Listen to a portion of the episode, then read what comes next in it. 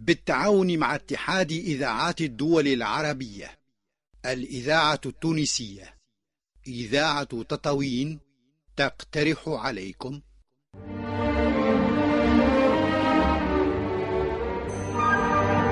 كان نهرا هنا وله ضفتان نهر صغير يسير على مهله نازلا من أعالي الجبال.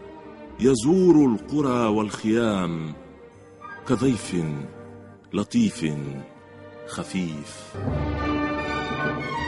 نهر الحضارة. إعداد فوزية ضيف الله تقديم فاتن الرحمون.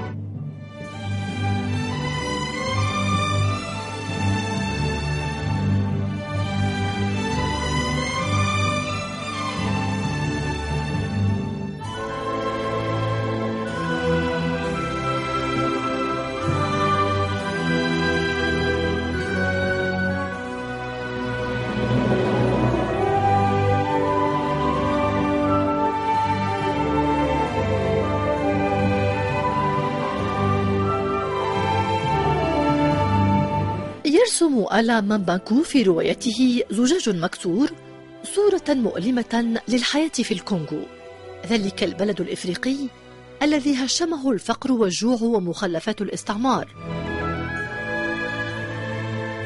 شخوص الرواية تجمعهم قسوة الحياة ومقهى Le Crédit أين يلتقون؟ ليبوحوا بمشاكلهم وهواجسهم لبطل الرواية المدرس المتقاعد الذي يدعى زجاج مكسور والذي يتخذ من هذه الحكايات مادة لرواية هو بصدد تأليفها.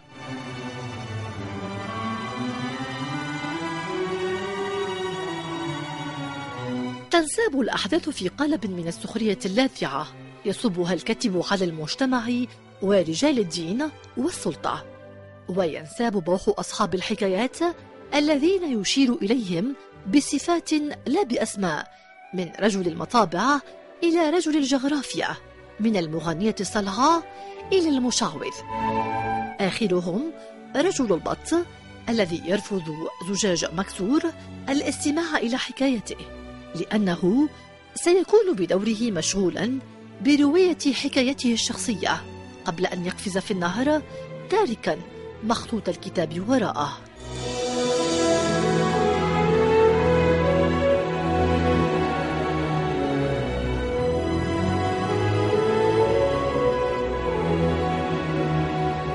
نجح آلا ماباكو في رسم مشهد واقعي لبلد إفريقي حي ومؤلم في الوقت نفسه.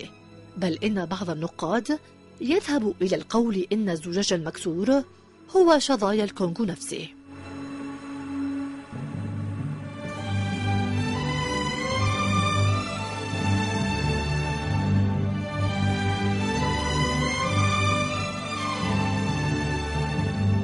كيف يمكن لبلد ينام على ثروات خيالية؟ أن يكون هذا حاله؟ تعالوا معنا نستنطق ضفاف نهر الكونغو. علها تروي لنا حكايتها فنضيفها إلى حكايات الرواية التي لم تكتمل.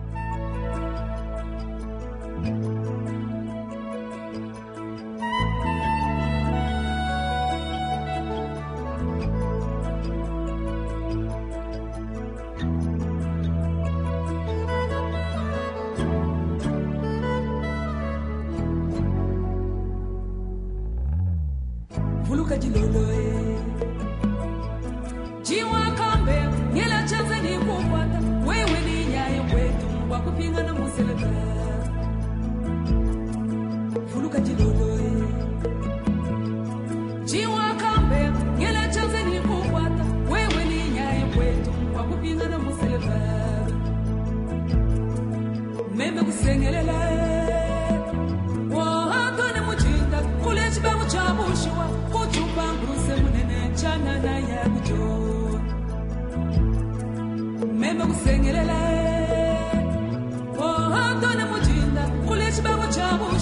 kuchoka chana na ya kuchoa chena kupomoi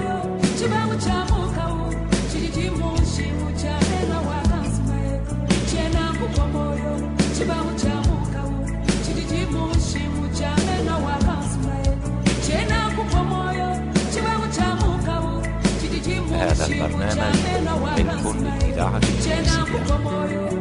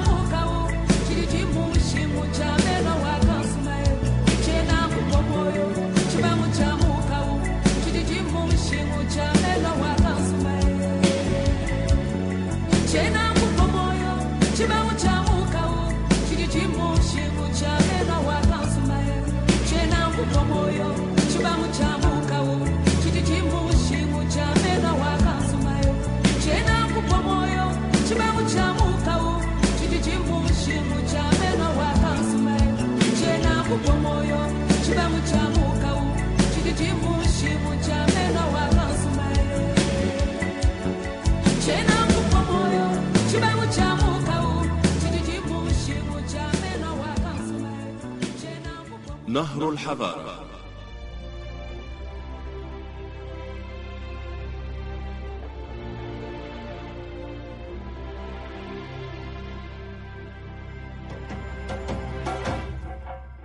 حتى أواخر القرن التاسع عشر كانت الدول الأوروبية تعتبر إفريقيا أراض لا صاحب لها تسكنها قبائل متناحرة بلا حضارة ولا راية تجمعها.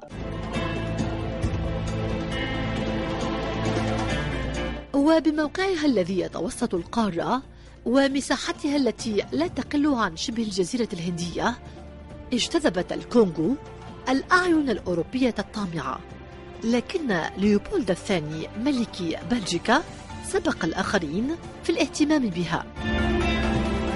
ففي بداية سبعينات القرن التاسع عشر دعا لعقد مؤتمر علماء الجغرافيا في بروكسل وذلك لوضع خطة لاحتلال أراضي الكونغو الشاسعة.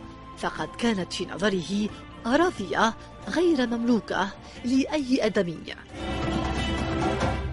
دولة أخرى كانت تتربص بالفريسة إذ كان لفرنسا تواجد عند مدخل نهر الكونغو. وقد عقد الفرنسي دو برازا اتفاقا مع أحد رؤساء القبائل المقيمة على ضفاف النهر عام ثمانين وثمانمائة ألف للتعاون في خطة احتلال الكونغو.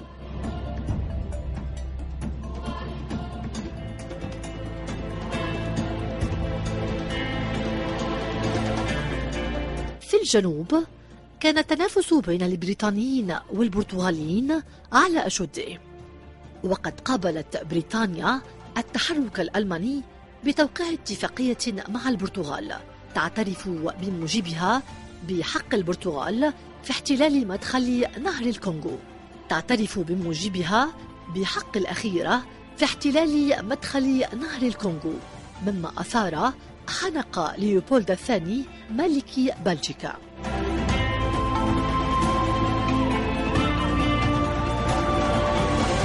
أجل المشهد كما تتخيلونه مجموعة من اللصوص تقتسم الكعكة على مرأى ومسمع من أصحابها.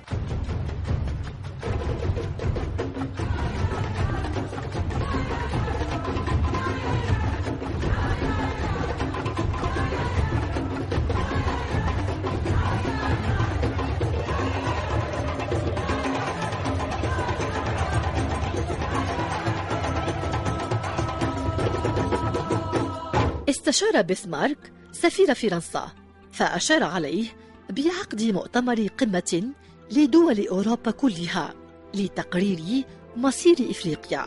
وبالفعل عقد المؤتمر في شهر نوفمبر عام 84 و800 وألف. الغايات المعلنة كانت إخراج إفريقيا من عزلتها وإنهاء تجارة العبيد. وكان شرط بريطانيا عدم مناقشة مصير نهر النيجر الذي اعتبرته من أملاكها. وكذا فعلت فرنسا بخصوص نهر السنغال ولم يخلو المؤتمر من التداول حول مصير نهر الكونغو الذي أسماه بسمارك نهر الدانوب الإفريقي.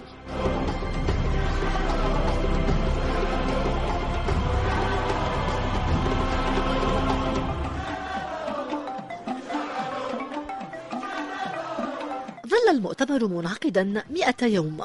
لم تتخلله سوى ثمان جلسات عامة وكان المشاركون يقضون باقي وقتهم في الاحتفالات والترفيه والرحلات سعداء بما ينتظرهم من ثروات. انتهى المؤتمر بالتوقيع والمصادقة على عدة توصيات أبرزها تحرير الملاحة على الأنهار.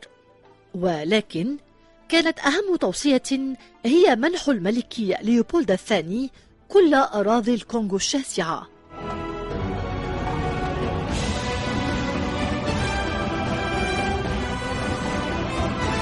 قام الملك بتمويل استكشاف أراضي الكونغو بما استطاع الحصول عليه من عائدات تجارة الكاوتشو التي أديرت عبر شركات امتياز تعتمد نظام السخرة إلى درجة قطع أيدي العمال الذين لم يكن إنتاجهم كافيا.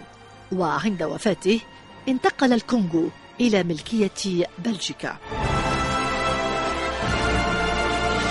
في شهر جوان عشرين وألفين وفي خطوة غير مسبوقة أصدر ملك بلجيكا بيانا عبر فيه باسم بلاده عن الأسف البالغ للجروح التي تسببت بها بلجيكا خلال فترة استعمار الكونغو ووعد بأنه سيستمر في مكافحة جميع أشكال العنصرية حتى تهدأ الذاكرة المشتركة.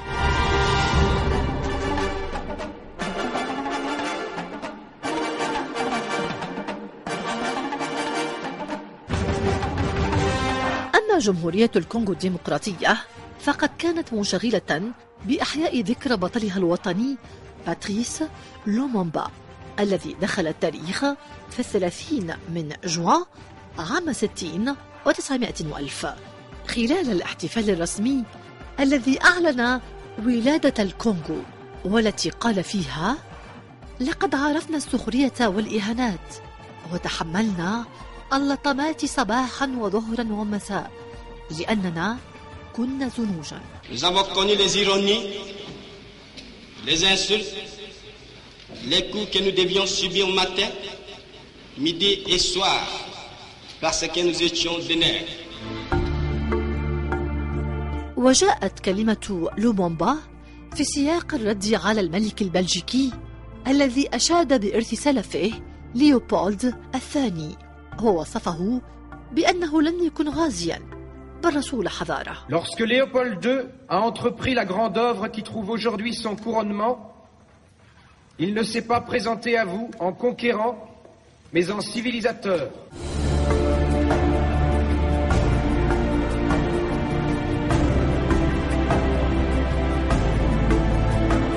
أنصف التاريخ لومومبا ولو بعد حين فأثناء الاحتجاجات التي اجتاحت الولايات المتحدة الأمريكية وأوروبا على خلفية مقتل المواطن الأمريكي ذي الأصول الإفريقية جورج فلويد تعرضت تماثيل الملك ليوبولد الثاني للتخريب في بروكسل وألقي عليها طلاء أحمر يرمز إلى دماء الضحايا الكونغوليين.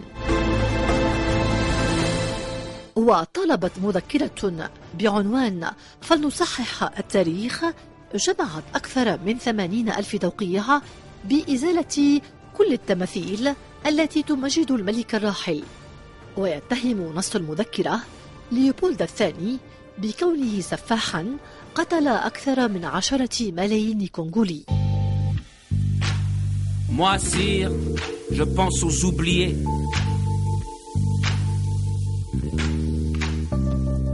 Nous sommes ceux que l'on déposséda, que l'on frappa, que l'on mutila. Ceux que l'on tutoyait, ceux à qui l'on crachait au visage. Boy cuisine, boy chambre, boy. Comme vous dites, lavadère. Nous fûmes un peuple de boy, un peuple de Wibwana, Wibwana, Wibwana. Et qui doutait que l'homme pût ne pas être l'homme n'avait qu'à nous regarder, sire. Toute souffrance qui se pouvait souffrir, nous l'avons soufferte. Toute humiliation qui se pouvait boire, nous l'avons bu. Mais, camarades, le goût de vivre, ils n'ont pu nous la dire dans la bouchée. Nous avons lutté avec nos pauvres moyens, lutté pendant 50 ans, lutté. Et voici, nous avons vaincu.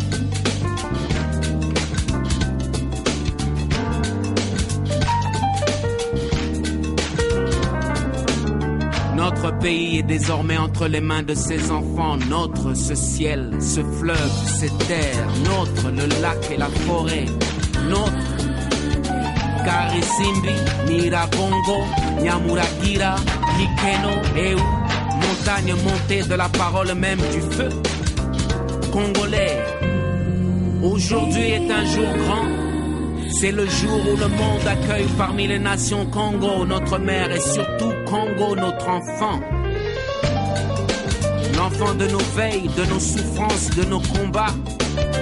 Camarades et frères de combat, que chacune de nos blessures se transforme en mamelles, que chacune de nos pensées, chacune de nos espérances soit rameau à brasser à neuf l'air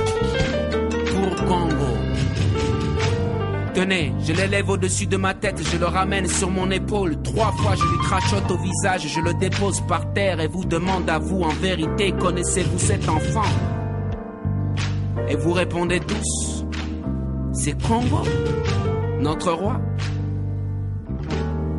Ha.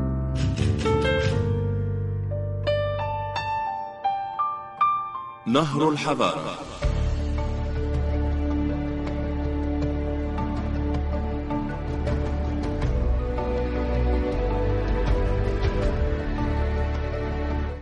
بمناسبة رأس سنة 2000 أصدرت إحدى الشركات اليابانية الرائدة بيانا اعتذرت فيه لآلاف الحرفاء الغاضبين بسبب عجزها عن تزويد السوق بكمية كافية من لعبتها الجديدة PlayStation 2 بسبب نقص حاد في معدن لم يكن للناس عهد به من قبل وهو معدن الكولتون. وأرجعت الشركة ذلك النقص إلى الحرب الدائرة في جمهورية الكونغو الديمقراطية. الكولتون معدن نادر يستخدم في صناعة المفاعلات النووية ومحركات الطائرات والصواريخ والأجهزة عالية الدقة وتملك جمهورية الكونغو الديمقراطية 80% من الاحتياطي العالمي من هذا المعدن تقول رئيسة تحرير جريدة Le Souverain في تلك السنة كان الجميع يتحدث عن الكولتان. كانت عشرات الشاحنات تخرج يوميا محملة بأطنان منها وتضاعف سعره عشر مرات. فتضاعفت ثروات أمراء الحرب. أما السكان فتضاعفت فقط أعداد القتلى والنازحين منهم.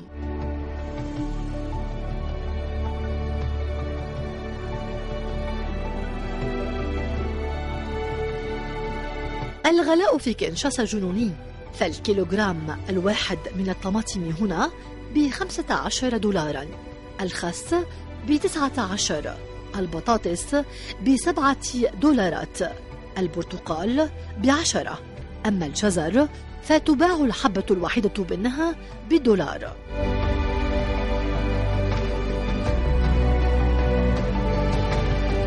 في السوق الشعبي لا يشتري الناس بالكيلوغرام وإنما بالحبة. حتى الفواكه الاستوائية التي تنبت من تلقاء نفسها في كل مكان أسعارها مرتفعة وكأنها مستوردة. يصل إيجار شقة فاخرة إلى عشرة آلاف دولار. أما الغرفة الصغيرة المفروشة فبألف دولار. أسعار تجعل من كينشاسا إحدى أغلى المدن في العالم أغلى حتى من لندن ونيويورك وباريس. أما البنية التحتية فحدث ولا حرج.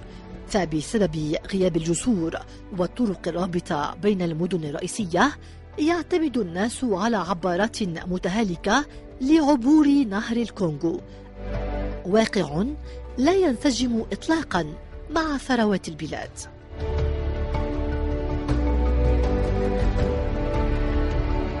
في شهر فيفري عام 2009 قدرت مجلة African Business احتياطي الكونغو الديمقراطية من المعادن غير المستغلة ب 24 تريليون دولار. وهو ما يعادل الناتج المحلي الإجمالي لسنة 2000 لكل من الولايات المتحدة والصين واليابان. ولو أضفنا لهذا نصف احتياطي العالم من الكوبالت وثلثه من الألماس وعشره من النحاس وثلاثة عشر بالمئة من طاقة العالم الهيدروليكية التي تكفي لإضاءة إفريقيا جنوبي الصحراء كلها واحتياطيا هائلا من الخشب وأراض زراعية قادرة على توفير الغذاء لمليارين من البشر.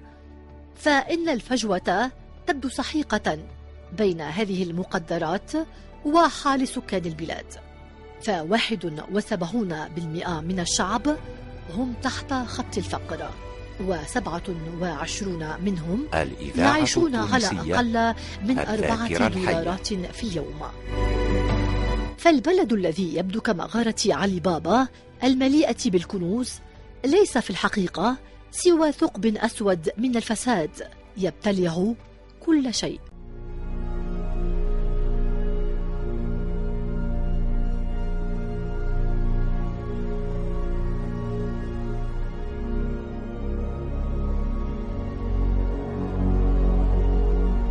في السابق لم يعرف الناس الغلاء وبعد الحرب ومع بدء أحلال السلام بدأت المناجم تتوسع وفروع الشركات تنتشر والعقارات تزدهر والفنادق تستقبل رجال الأعمال الأجانب. فتفاءل الناس واستبشروا بالرخاء. لقد غاب عنهم أن السلام الذي فرحوا به كان بندا. من بين عدة بنود في صفقة لم يكن الشعب طرفا فيها. كانت صفقة تقايض الثروة بالسلام والسلام مقابل السلطة.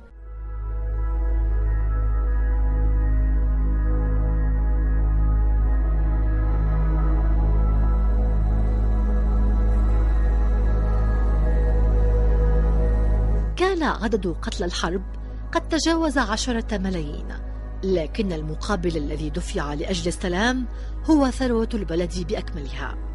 وحتى تكتمل الصورة القاتمة لم يعم السلام بل صار عدد الفصائل المتمردة أكثر من سبعين فصيلا وبعد أن كان البلد خالقا في الحرب أصبح عالقا في وهم السلام.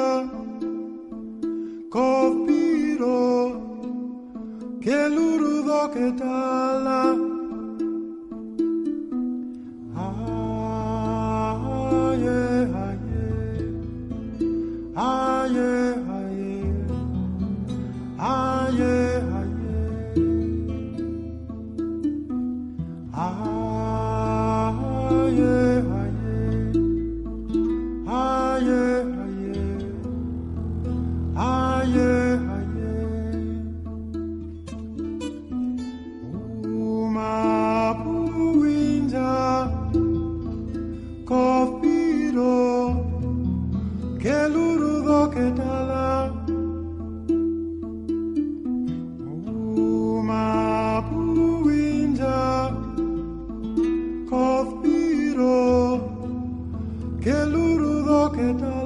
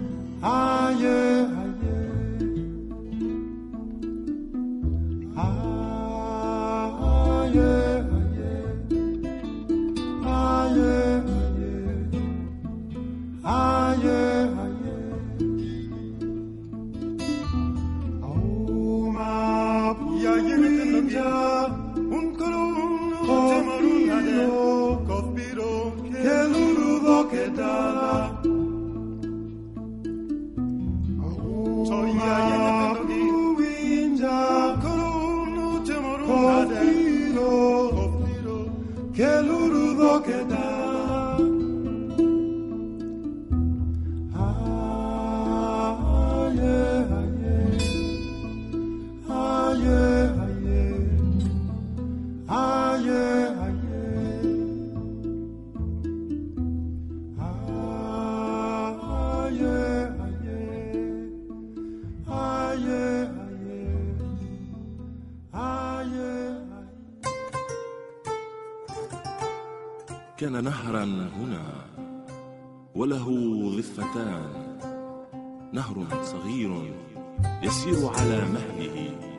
نازلا من أعالي الجبال يزور القرى والخيام كضيف لطيف خفيف.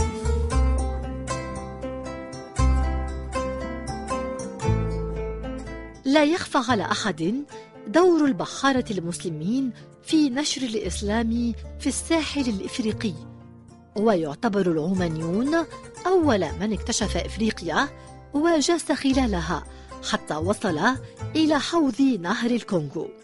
وهم الذين أخبروا عن البحيرات والجبال المعممة رؤوسها بالثلوج والغابات المظلمة ووحوشها الضارية. سبقوا في ذلك الأوروبيين الذين اعتمدوا على عرب شرق إفريقيا في ارتياد مجاهل القارة وقد ساعدت الهجرات العمانية على ازدهار المدن على طول الساحل الإفريقي كمقاديشو ومنباسا وماليندي وزنجبار. كل هذه المدن عاش فيها السكان الأفارقة جنبا إلى جنب مع العرب الوافدين.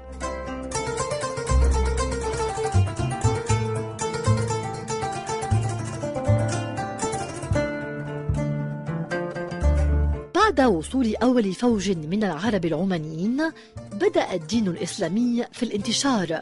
لذلك حرص السواحليون على تعلم العربية لقراءة القرآن وسماع خطبة الجمعة وفهم أمور الدين فضلا عن التعاملات التجارية. فولدت لغة جديدة عرفت بالسواحلية تمثل المفردات العربية فيها ما يقارب الخمسة والأربعين بالمئة. واقتبست لغات أخرى مثل الفلانية ومفردات عديدة من المعجم العربي.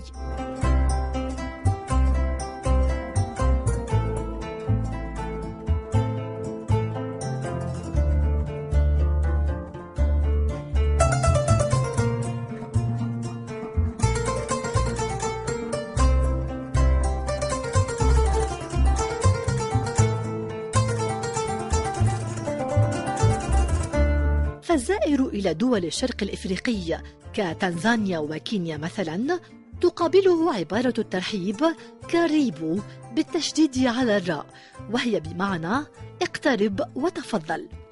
ثم إن المتجول في شوارع دار السلام عاصمة تنزانيا أو نيروبي عاصمة كينيا أو في زنجبار ومامباسا عندما يدقق النظر في لافتات الدعاية والإعلان المكتوبة بالحروف اللاتينية تسترعى اهتمامه عبارات ك صفة ثابتي بمعنى صفة ثابتة.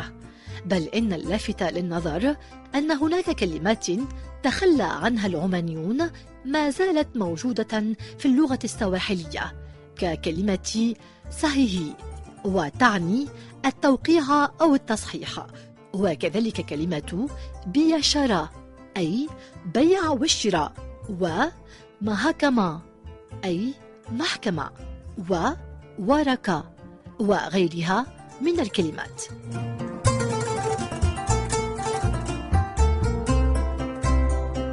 ينقسم الأدب السواحلي إلى مكتوب وشفوي ويشمل هذا الأخير الحكمة والأمثال والألغاز والقصص والأغاني وتعد مجموعة W. E. Taylor أكبر مجموعة مترجمة للإنجليزية من الأمثال السواحلية خاصة والإفريقية عامة. ومن هذه الأمثال نقرأ الشخص الحسود لا يحتاج إلى أي سبب للإحساس بالحسد. أما المثل القائل لا يستخدم السيف لقتل الحلزون فهو مترجم من اليوروبا. ومن أمثال الزلو نقرأ البقرة التي تتقدم القطيع ينال منها الصوت.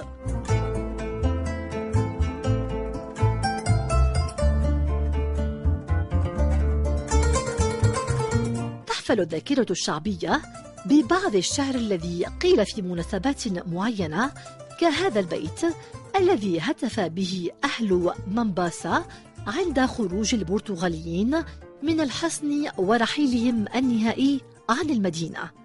ارحل يا مانويل إنك جعلتنا نكرهك. ارحل وصليبك احمله معك.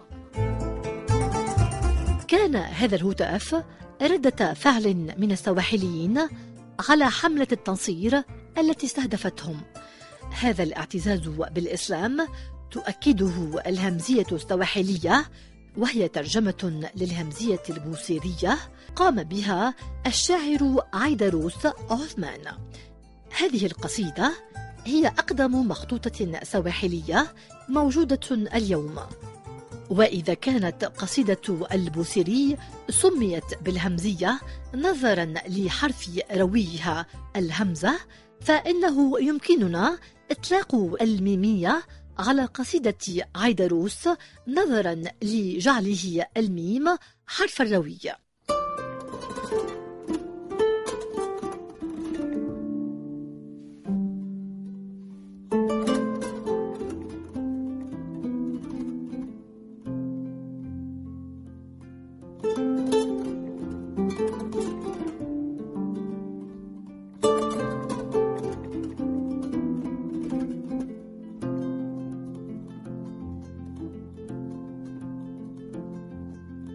مثال آخر قصيدة للشاعرة موانا كوبونا وتسمى أيضا وصية موانا. تحكي القصيدة عن موانا كوبونا بنت ميشام التي توصي ابنتها هشيمة بنت شيخ على التمسك بالدين واحترام الزوج. تقول الترجمة العربية أمسكي بالدين ولا تخلي آداء الفروض. تواضعي للكرام يا ابنتي عندما ترينهم في مكان. قفي وانحني باحترام.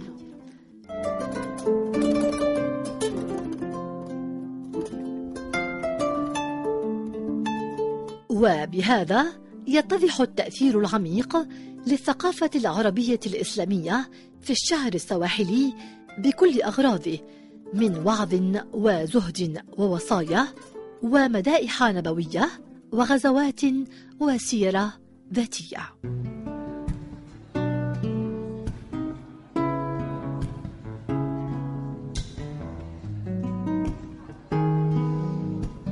سلام سلام سلام هز عينيك حيكرمتك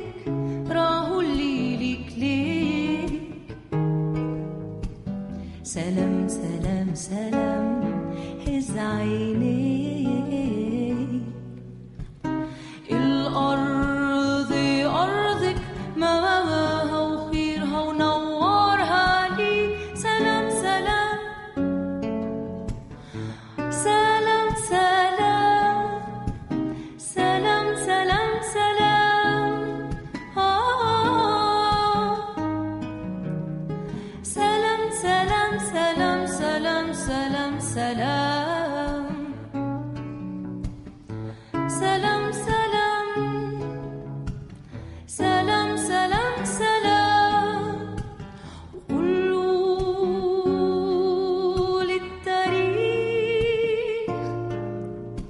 قصتنا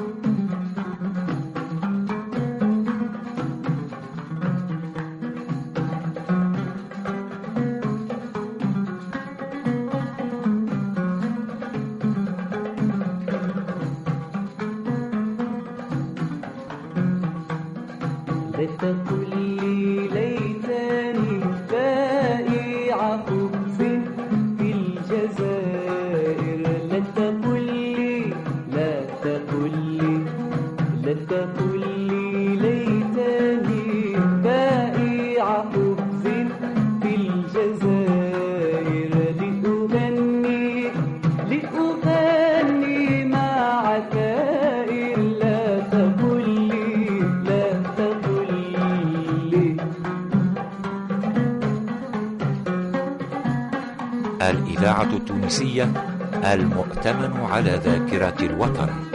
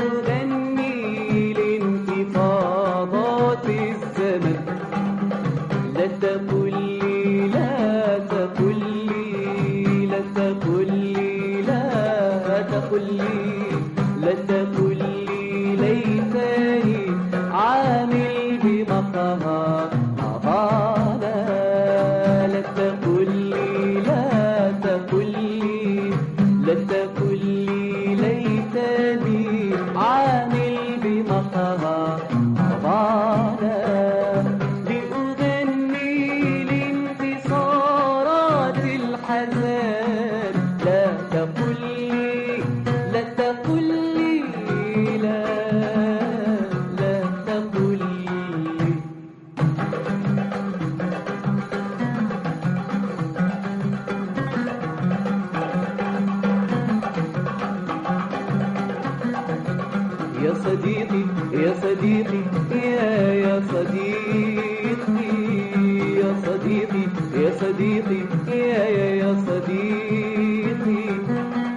يصب النيل في الفولجا ولا الكونغو في نهر الفرات. لن يصب النيل في الفولجا ولا الكونغو في نهر الفرات. كل نهر وله منبع كل نهر وله مجرى وحياة. يا صديقي يا صديقي يا يا يا صديقي لن يصب النيل نهر الفرات لن يصب النيل في الجولجا ولا الكونغو في نهر الفرات كل نهر وله منبع كل نهر وله مجرى وحياه يا صديقي يا صديقي أرضنا ليست بعاقب. يا صديقي أرضنا ليست بعاقب. كل أرض ولها ميلادها كل أرض ولها ميلادها. كل أرض ولها ميلادها. كل فجر وله عودة ثائر كل فجر وله عودة ثائر كل فجر وله عودة ثائر كل فجر وله عودة ثائر كل فجر وله عودة ثائر يا يا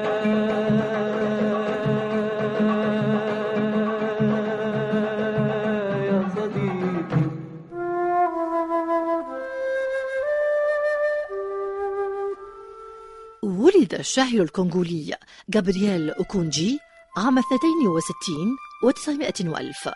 عاش طفولته وصباه في إحدى قرى الكونغو حيث ينسب الأطفال لأمهاتهم لا لآبائهم. وكل نساء القبيلة أمهات وخالات لهذا الطفل.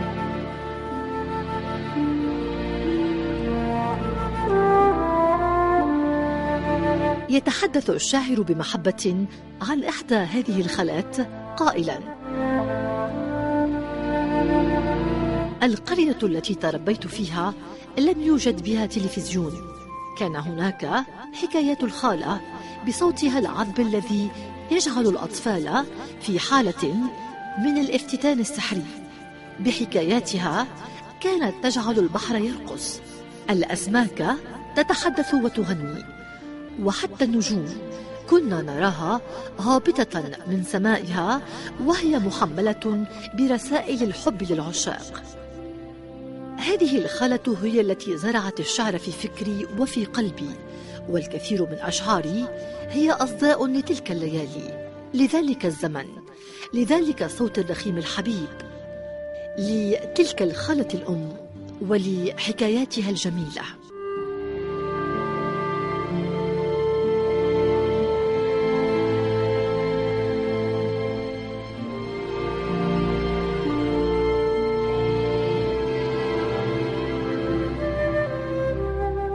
كثيرا ما يعبر جابرييل أوكونجي عن حبه العميق لنهر الكونغو الذي يراه واسعا وعظيما.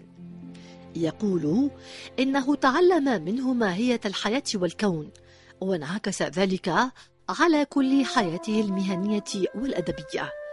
أما حديثه عن النهر الصغير أليما فلا يخلو من عبارات العشق والحنين. فلطالما لعب فيه وهو صغير. ولا يزال خرير مياهه يملأه سعادة ويمنحه الطاقة والحيوية والإلهام. وغالبا ما يقدم نفسه إلى الجمهور الذي يحضر أمسيته الشعرية بهذه العبارة.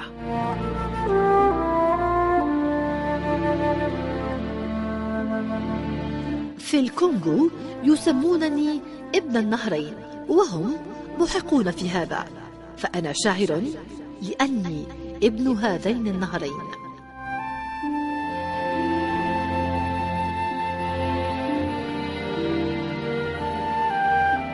ها أنا ذا في نهاية المسار. في ليل لا حراك له. الظل هو ظلي. بشرة سوداء عقيمة في قلبه الأسود العقيم. ها هي دموعي. ها هو غنائي. غناء الحزين.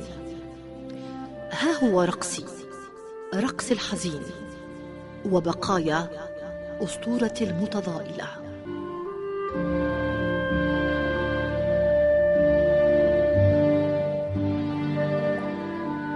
وعلى ضفة أخرى نلتقي مع أجمل تحيات فوزية وفاتن كان نهرا هنا. وله ضفتان نهر صغير يسير على مهله نازلا من أعالي الجبال. يزور القرى والخيام كضيف لطيف خفيف.